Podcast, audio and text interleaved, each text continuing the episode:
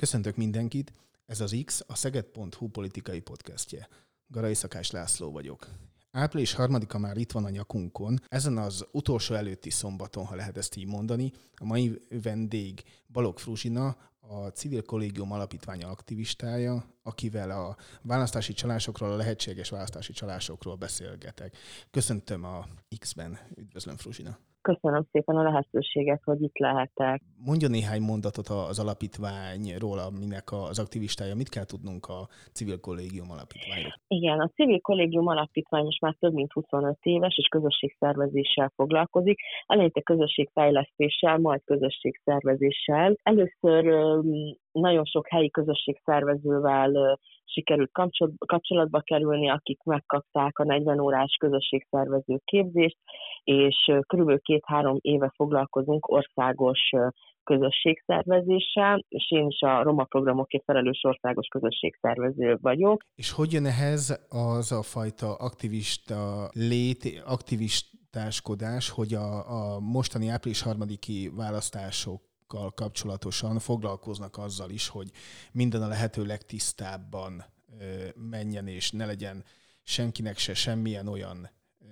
oka a vereségét adott esetben azzal indokolni, hogy hát ezt a bizonyos választást ezt elcsalták. A kollégium alapítvány, ugye, ahogy mondtam, főként közösségszervezéssel foglalkozik, így röviden, tömören összefoglalva, hogy ennek az a lényege, hogy olyan társadalmi problémákkal küzdünk, ami, amit úgy gondoljuk, hogy teljesen elnyomja, vagy nem engedi az állampolgárokat jogaik szerint élni, és ezért jönnek helyre közösségszervező csoportok, akik próbálnak így helyben tenni azért, hogy minél igazságosabban működjenek a dolgok. És ennek a kampánynak pedig az, az eleje az, hogy 2018-ban az országgyűlési választásokra volt férjemmel a Balog Lajos Pacival, mi csináltunk egy kampányt, aminek az volt a neve, hogy ne add el a szavazatod, és akkor elég sikeresnek volt mondható ez a kampány. Tíz településen voltunk akkor utcafórumokkal, fórumokkal, ahol nagyon tanulságos beszélgetéseket folytatunk az ott élő emberekkel, és rájöttünk arra, hogy nagyon jelen van egyébként Magyarországon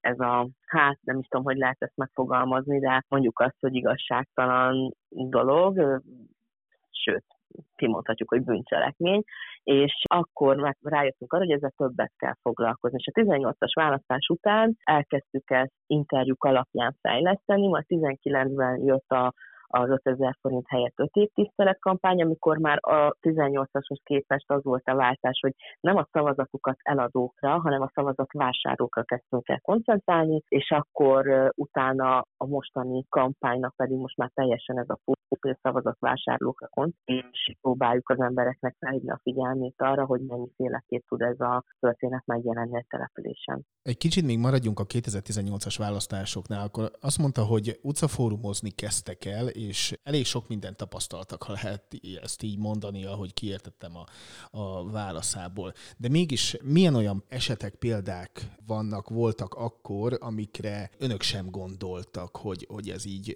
megtörténhet? Az egyik legelterjedtebb az volt, hogy hogy azzal vannak megfenyegetve ezek az emberek, hogy mondjuk elveszthetik az állásukat, mert valamilyen módon a helyi hatalomhoz kapcsolódik az állásuk, gondolok itt a közmunkásokra például, és akkor ugye el van nekik mondva, hogy ugye tudod, hogy hova kell menned szavazni. Ugye akkor április 8-a volt, tehát hogy tudod, hova kell menned szavazni, mert különben, ha nem oda szavazol, akkor, akkor mi nem fogunk itt nyerni, és valószínűleg a te munkát is el fog veszeni, nem fog tudni dolgozni. És ezt még alátámasztják azzal, hogy hát, de ha nem oda szavazol, mi ezt meg fogjuk tudni, mert be van kamerázva a fülke, vagy az embereink ott ülnek, és tudni fogjuk, hogy te hova szavaztál, különböző ilyen fenyegetések, mert addig mi azt gondoltuk, hogy a legelterjedtebb és legjellemzőbb ez a pár ezer forintos készpénzfizetés, vagy esetleg az adományok, ugye hallottunk arról, hogy zsákontikat, zsákagymákat, különféle adománycsomagokat osztanak mindig a szavazás napján, hát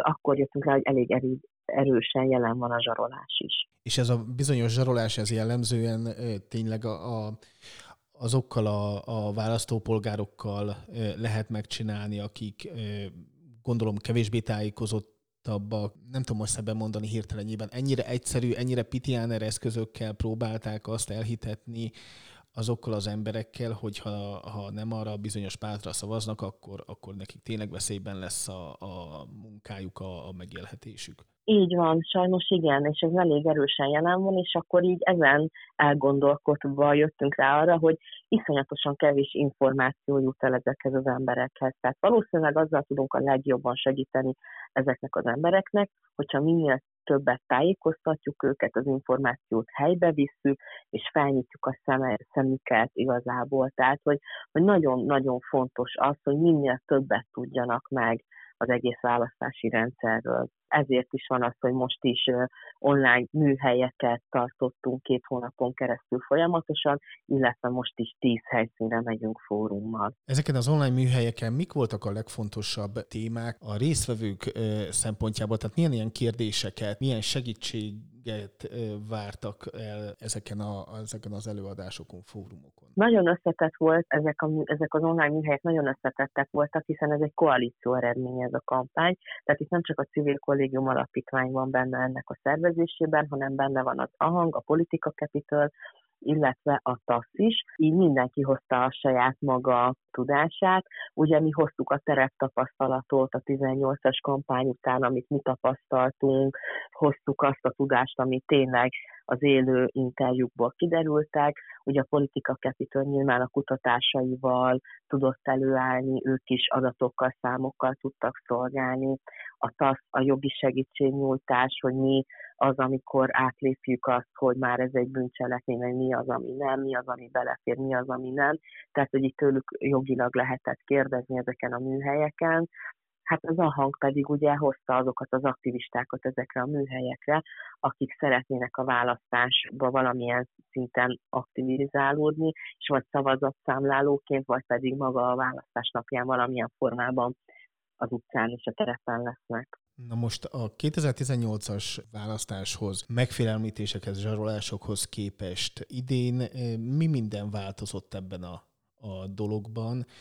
Ugyanazokkal a módszerekkel próbálkoznak azok, akik ezzel próbálkoznak, sokkal rosszabb lett a helyzet, vagy éppen eh, javult valamicskét, már van adott esetben tapasztalatuk azoknak is, akiket megint most megpróbáltak célba venni? Azt érzékeljük, hogy most nagyobb a tét valószínűleg, és így nagyobb a kockázat, és így nagyobb, sokkal rosszabb a helyzet, és jobban belevágtak most ezekbe a megvásárlásokba. Igazából, amit tapasztalunk, az az, hogy igen, hogy erősebben jelen lesznek, hallottak már rólunk, tehát a tiszta szavazás elérte a célját, eléggé nagy híre lett a kampánynak, és így készülnek arra, hogy nyilván próbáljuk minél jobban megakadályozni ezeket a szavazatvásárlásokat. Most így ezt nem szeretném az interjúval előni, hiszen, hiszen sajnos nem, nem tudhatom, hogy éppen ki fogja hallani, de hogy tudomásunk az, hogy vannak új módszerek, tehát hogy készülnek arra, hogy mi próbáljuk megnehezíteni a dolgaikat, és így lesznek új módszerek, amik nekünk is újak. Nyilván használni fogják a régieket is, amikre fel vagyunk készülve, de hogy hogy megkaptuk az infót, hogy valószínűleg új módszereket is fognak alkalmazni, de mi készülünk azokra is. Azok, akiket megpróbálnak tényleg így megvenni, megzsarolni, megfélemlíteni, azok között van esetleg olyan, aki így kapcsolatban van önökkel, tud a, a, tevékenységükről, tehát mernek-e azok, akiket így tényleg megpróbálnak szó szerint megfélemlíteni, fölvenni önökkel a kapcsolatot, szólni, hogy ez történt, ezt próbálják elhitetni velünk, újra megpróbálnak megzsarolni. Tehát a, az átlag szavazó, akit tényleg így megpróbálnak valamilyen szinten megfélemlíteni, megzsarolni, azok kimerik-e nyitni a szájukat, ha lehet ezt ilyen profánul mondani, mernek-e szólni, hogy, hogy álljon meg a menet, ez gyakorlatilag választási csalással egyenértékű dolog. Az a tapasztalatunk, hogy még eddig nem, sajnos nem jelezték nekünk. Itt valahogy mindig úgy jön elő ez a téma, hogy egy harmadik szemét vonnak be, tehát mondjuk most egy nagyon leegyszerűsített példa, hogyha én is egy fórumon vagyok, és megkérdezem a résztvevőktől, hogy egyébként ők találkoztak-e már bármilyen formában a választási csalással, akkor mindig azt mondják nekem, hogy hát ők már hallottak róla, a Jóska Pista mesélte, hogy. Na most valami hasonlóképpen hallunk mi is információkat nagyobb, nagyobb körben. Ezt így soha senki nem fogja szerintem bevallani, vagy bevállalni még egyenlőre, de ez a célunk. Tehát, hogy reménykedem abban, hogy most április harmadikán nagyon sokan fognak bejelentkezni, hiszen ugye folyamatosan hirdetjük, és, és a hallgatóknak is ajánlom, hogy a tisztaszavazás.hu oldalra nézzenek föl, hiszen rengeteg információt ott megkapnak, és lesz egy ilyen 024-es tasszos telefonszám, ahol 12 jogász fog folyamatosan dolgozni, és ha bármit észlelnek, bárki lát esetleg egy ilyen választási csalásnak nem tanulja, bármi pici szösszenetet, akkor mi ajánljuk, hogy ezt a számot hívják fel, ezt a tartós telefonszámot, vagy nézzenek fel a választás.hu-ra, és mindenképp jelezzék, mert lehet, hogy pont sikerül lebuktatni egy ilyen esetet. Tehát, hogy most erre nagyon készül a TASZ is, és hogy, hogy tényleg bármikor hívhatják majd ezt a telefonszámot, és, és kérjük is, hogy segítsenek nekünk ebben, hogy jelezzék, hogy bármi ilyesmit látnak. Amellett sem mehetünk el szerintem, hogy aki például meg tud nézni egy ilyen weboldal, telefonszámot, és a többi, ők valószínűleg kevésbé érintettek, vagy talán egy kicsit hamarabb cselekednek, hogyha ilyet tapasztalnak. De nagyon sokan lehetnek, nagyon sokan vannak olyanok, akik, akik nem használják úgy az internetet, a Facebookot, ahogy mások meg igen. Ezeket a, a választói rétegeket, akik hát nem is elzárva vannak ezektől a, az információs csatornáktól, de kevesebbet használják, vagy életkoruk miatt, vagy azért, mert hogy olyanok a körülményeik, hogy adott esetben nem engedhetik meg maguknak azt sem, hogy, hogy így a, az interneten keresztül tájékozódjanak őket hogyan lehet elérni, megszólítani, azon túl, hogy, hogy tényleg oda menni hozzájuk és beszélgetni ezekről a bizonyos hát lehetőségekről. Abszolút, Abszolút így személyesen. Tehát mi ezért tartottuk két hónapon keresztül folyamatosan ezeket az online műhelyeket, és rengeteg aktivistát sikerült bevonni különböző településekről, mert ez volt a cél, hogy ezeknek az aktivistáknak, amit mi átadunk, ők ezt tovább tudják vinni. Készültek nagyon szép szórólapjaink, a nyomtastejésnek is a nyomtatványai, és ezt folyamatosan szórjuk, hangoztatjuk, és a fórumok is ezt segítik elő. Tehát igazából ott csak a személyes kontakt. Tehát azok, akik nem tudnak az online világban tájékozódni, azokat személyesen tájékoztatjuk ezekről a dolgokról, így, hogy aktivistákat vontunk be, önkénteseket, gyártottuk a szórólapokat, plakátokat. Mennyire eh, hisznek maguknak, ha lehet ezt ilyen furcsán egyszerűen kérdezni? Tehát van -e egyfajta ilyen ellenkezés, egy ilyen kétkedés, hogy hát persze ezt biztos azért mondjátok, mert, és hogy nem, nem, tehát hogy, hogy el, elmerik-e ezeket adott esetben mondani, tényleg meg tudnak-e nyílni a, a, az emberek akár egy-egy ilyen fórumon, vagy, vagy már tartunk ott sajnos, hogy, hogy nagyon sokan inkább, inkább nem, nem szólnak, mert azt gondolják, hogy, hogy abból is bajuk lehet, hogyha valamilyen beszélgetésbe belekapcsolódnak. 18-ban még ez volt a tapasztalat, hogy volt ilyen, hogy mondjuk félnek bevallani ezt a jelenséget. Most arra már nem. Tehát a 10-ből 6 fórumon túl vagyunk, és mind a haton egyértelműen egyetértettek velünk abban, hogy ez jelen van.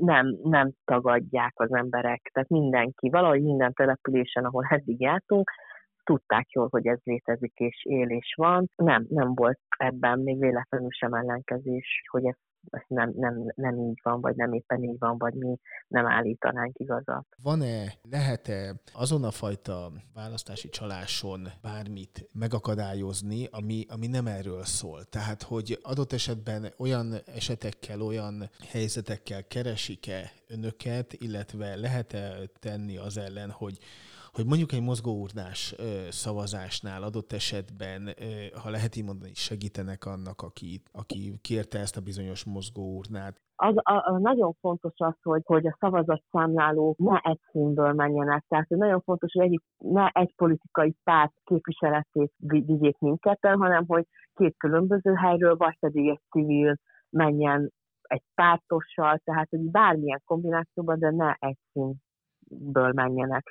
Tehát, hogy mi mindig azt mondtuk, hogy szerintünk ez a legátláthatóbb este 7 óra van, onnantól kezdve gyakorlatilag véget ért a küldetésük, és onnantól kezdve már gyakorlatilag minden a szavazatszámlálókon múlik, és azon, hogy, hogy rendesen megszámolják a, a szavazatokat, vagy pedig még akkor is lehet plusz feladatuk. Gondolok itt például arra, hogy nem egy körzetben lehetséges az, hogy tényleg minimális szavazatkülönbség lehet a jelöltek között, soha nem látott szorosságú eredmény várható akár több körzetben is. Ilyenkor azt hogyan lehet megoldani, hogy tényleg elhiggyék azt a jellemzően a vesztes fél, hogy valóban annyi szavazat van az urnában, valóban azok voltak az érvényesek, amiket megszámoltak, tényleg annyi érvénytelen szavazat volt. Tehát ezekre a helyzetekre is próbálták készíteni föl ezeken az online fórumokon a, a, az aktivistákat? Igazából, tehát onnan 7 órakor megtörténik a zárás, valóban tényleg csak a szavazatszámlálók tudnak már csak javítani a, a helyzeten, és itt mindig azt mondtuk nekik, hogy nagyon fontos, hogy innentől bekapcsolják még erősebben a szemeiket és kezeiket, tehát hogy, hogy rengeteg olyat hallottunk, tehát volt az interjúzásaink is között olyan, aki mondjuk volt már szavazatszámláló, és akkor hallottunk mondjuk olyat, hogy már reggel, amikor ők megérkeztek, akkor így a, az üres jegyzőkönyvet már aláíratták a, a jelenlévő szavazatszámlálókkal, tehát akkor itt mondjuk ezt mindig elmondtuk, hogy hát ilyet nem lehet tenni, tehát miután szépen leszámolt mindenki mindent, lezárták az egész történetet, akkor írunk alá jegyzőkönyvet, és hogy például ez is ugye csalásra utalhat, hogyha előre aláíratják a, a jegyzőkönyvet. Tehát, hogy nagyon sok minden múlik a szavazatszámlálókon szerintem, és nagyon fontos, hogy zárás után, amikor felbontják a, az urnákat és elkezdik a, a számolni a szavazatokat, hogy akkor nagyon figyeljenek, hogy ne kerüljön érvénytelenítésre, mert már erre is volt példa, hogy mondjuk észrevették, hogy egy másik szavazatszámláló érvénytelenné tette azt, ami még érvényes tudott volna lenni. Tehát, hogy ezekre a dolgokra nagyon oda kell figyelni. Én azt gondolom, hogy 7 óra után, igen, a szavazatszámláló ki a terep, és rajtuk áll nagyon sok dolog. Mit gondol? Négy év múlva szükség lesz még e fajta munkára önöktől, ilyen felvilágosító kampányokra, online műhely munkákra, online fórumokra, vagy tisztulhat annyit a választási rendszerünk, hogy 2026-ban majd tegyük föl, hogy, hogy a, a most megválasztott parlament és kormány kihúz a négy évig, tehát nem lesz semmi rendkívüli esemény, tehát hogy 2026-ra már okafogyottá válik ez a fajta fölkészítés, is aktivistai munka, vagy, vagy ettől igazából sosem fogunk tudni megszabadulni, bármennyire is szeretnénk abban hinni, hogy, hogy egy jól működő, fejlett demokráciában hát, ilyenek nem lesznek. Ha naív akarok lenni, akkor nyilván azt mondanám, hogy reménykedem benne, hogy 26-ban már erre nem lesz szükség, de hogyha azt nézem, hogy mik a tapasztalatok és hogy a valóság és realitás, akkor azt mondom, hogy sajnos igen, folytatni kell, és folytatni fogjuk ezt a munkát, hiszen ez teljesen pártatlan. Tök mindegy, hogy ki fog kormányra kerülni, teljesen mindegy, hogy melyik párt fog ö, nyerni. Az a tapasztalatunk, hogy ez a fajta cselekvés, ez pártatlan. Éppen ezért is van az, hogy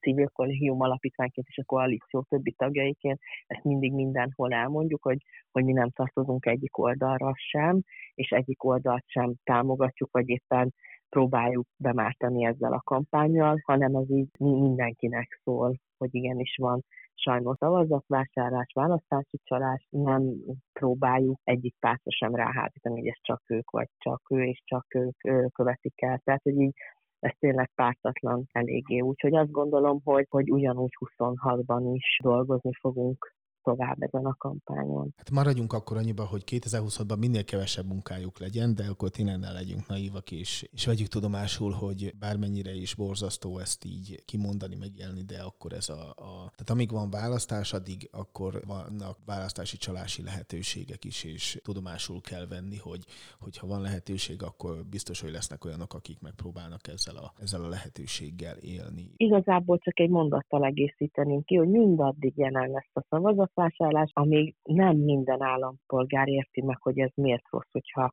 ha engedik magukat befolyásolni. Tehát amikor már sokkal tudatosabb szavazók lesznek, vagy szavazók leszünk, majd akkor talán fog enyhülni ez a történet. Hát akkor azt kívánom, hogy ez minél hamarabb történjen meg. Fruzsina, nagyon szépen köszönöm, hogy vendégünk, vendégem volt. Ez volt az X ezen a szombaton. Vendégem Balog Fruzsina, civil kollégium alapítvány aktivistája. Nagyon szépen köszönöm neki, hogy itt volt ezen a mostani beszélgetésen, és hát akkor tényleg minél kevesebb munkát kívánok. Már idén is, bár tudom, hogy rengeteget dolgoztak már most is. Nagyon szépen köszönöm a lehetőséget. yeah